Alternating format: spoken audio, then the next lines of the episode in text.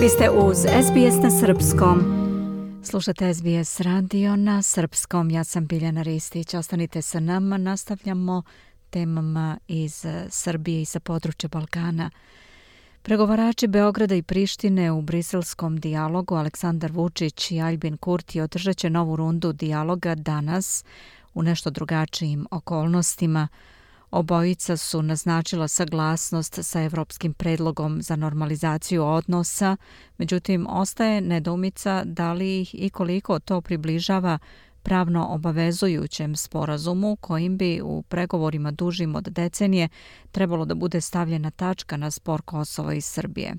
Na stolu se nalazi konkretna stvar, evropski predlog čija je svrha normalizacija odnosa iza koga je stao zapadni svet, dokument koji je i dalje nepoznat srpskoj javnosti.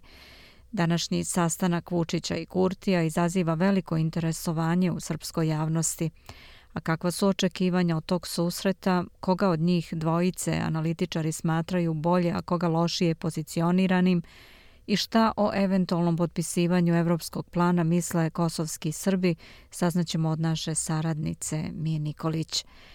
Mija, dobar dan. Recite nam prvo kakav je utisak javnosti trenutno, šta prenose mediji u Srbiji? Biljana u Srbiji vlada neki opšti utisak da je dijalog Beograda i Prištine u ključnoj fazi, na prekretnici. Međutim, oko daljeg toka pregovora, oko epiloga, na šta treba pristati, šta bezuslovno odbaciti, razlike su duboke i nepomirljive. Domaći mediji prenose tvrdnju Miroslava Lajčaka da su obe strane rekle da prihvataju predlog i da je vreme sazrelo, kao i da su time odlučili da poboljšaju međusobne odnose i ubrzaju svoj evropski put. Očekujemo od naših partnera da službeno javno prihvate predlog koji podržava 27 članica Europske unije i Sjedinjene američke države i da razgovaramo o njegovoj implementaciji. To nije privremeni sporazum, posle njega će se nastaviti proces sveobuhvatne normalizacije odnosa koji treba završiti potpisivanjem sveobuhvatnog sporazuma pre ulaska Srbije i Kosova u Evropsku uniju, rekao je Lajčak, a prenosi Tanjug. Mija, ko je prema mišljenju analitičara u boljoj, odnosno goroj poziciji pred pregovore i o čemu će se pregovarati u stvari? O tome ko je u boljoj, ako u težoj poziciji Vučić ili Kurti, Dušan Janjić iz Foruma za etničke odnose kaže da obojica imaju isti problem, kako da se obrate svojoj javnosti. No iako je Vučić u prednosti jer je na vreme rekao da, on je u težoj poziciji jer mora da objasni da ipak počinje razgovor, a da nije završena zajednica srpskih opština. Janjić se nada da će se pre ili na samom sastanku pojaviti nešto što će potvrditi da je počeo rad na zajednici srpskih opština.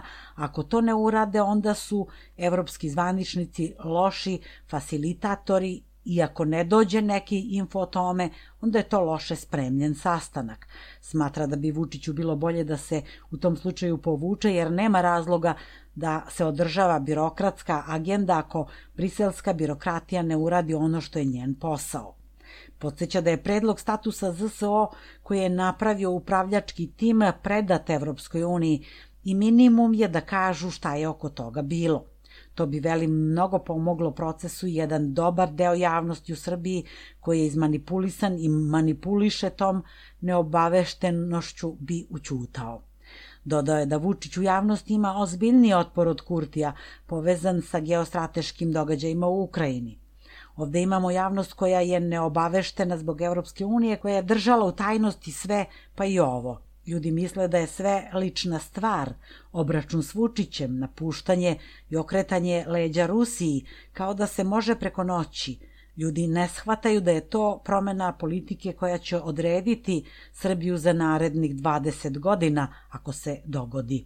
A ako se ne dogodi, onda će je zarobiti 30 godina, ukazuje Janjić. Prema njegovom sudu, iako je na većim iskušenjima, Vučić ima prednost jer je na vreme rekao da evropskom predlogu.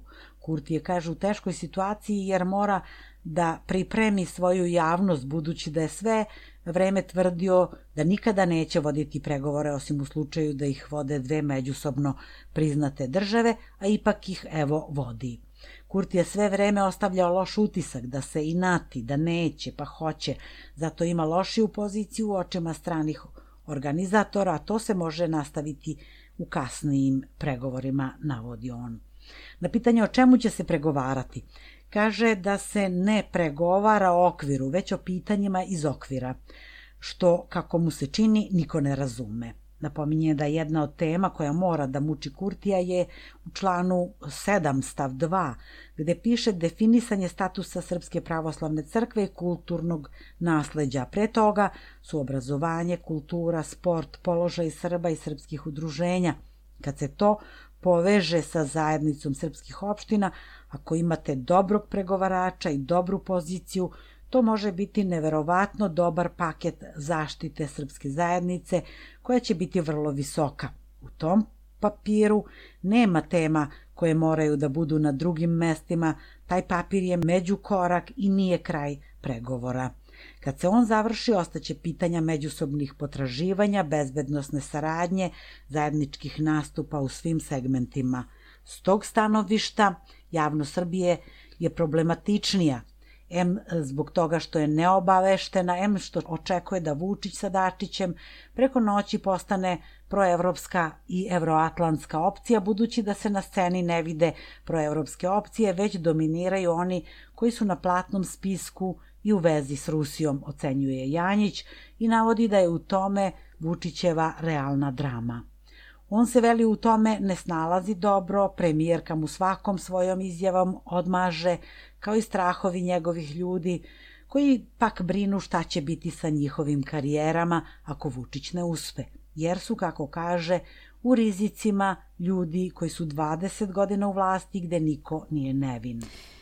Kakvi glasovi dolaze sa severa Kosova? Šta se očekuje tamo od pregovora? Pravnik iz Kosovske Mitrovice i nekadašnji saradnik ubijenog Olivera Ivanovića, Marko Jakšić, smatra više nego izvesnim potpisivanje francusko-nemačkog sporazuma na predstojećem sastanku koji je sveobuhvatniji od onog što prenose srpski i albanski mediji. Misli da uz osnovni tekst Postoji dogovor oko zajednice srpskih opština, ali i oko specijalnog statusa e, crkve kao i neki plan implementacije svega. Dodaje da sporazum očigledno ne sadrži obavezu formalnog priznanja nezavisnosti Kosova, a da je članstvo u Ujedinjenim nacijama bez obzira na buduću obavezu Srbije da ne sprečava učlanjenje Kosova u međunarodne organizacije – vezano za stav Rusije i njen problem oko Ukrajine, što će, kako ocenjuje, biti dovoljno da Vučić predstavi izdaju kao neku veliku pobedu. Ogroman uspeh će biti formiranje ZSO-a nakon 10 godina od kada je to bilo predviđeno kao ključni deo briselskog sporazuma, koja je uzgled već e, mogla biti formirana po važećim zakonima i koja je ništa više od nevladine organizacije.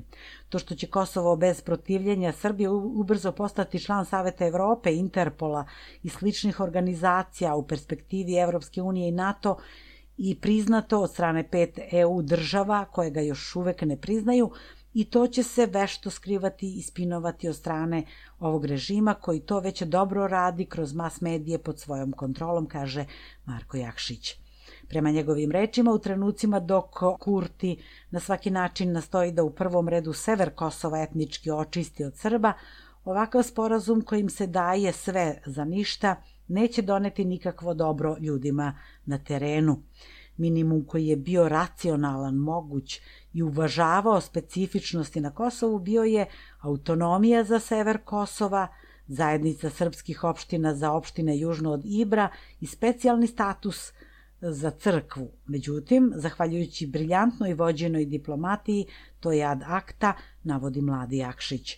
Dodaje da izmoren, izneveren i istrošen narod željan jedino normalnog života, neće imati snage za bilo kakav odgovor na nesreću i nevolju koja će ga po, po ko zna koji put ponovo pogoditi u 20-godišnjem eksperimentu Zapada zvanom multietničko Kosovo.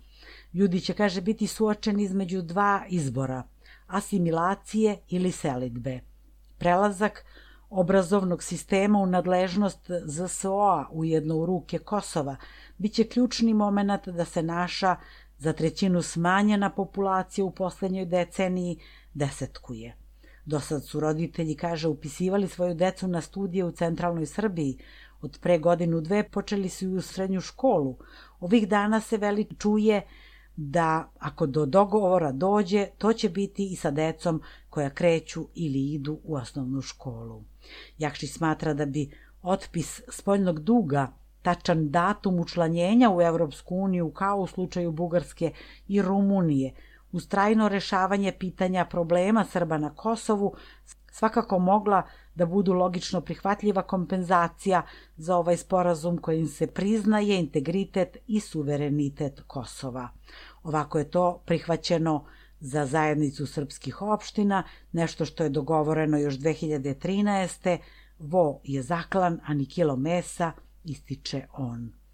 I dok se čekaju vesti iz Brisela, u Srbiji se potpisuju s jedne strane Svetosavski proglas za spas Kosova uz zahtev da se u celosti i odmah odbaci takozvani nemačko-francuski plan za Kosovo, ali i apel javnih ličnosti za prihvatanje predloga Evropske unije za Srbiju i Kosovo. Biljana? Da, toliko za danas, Mija, hvala. Bila je to naša saradnica iz Srbije, Mija Nikolić. Ostanite sa nama, ja sam Biljana Ristić.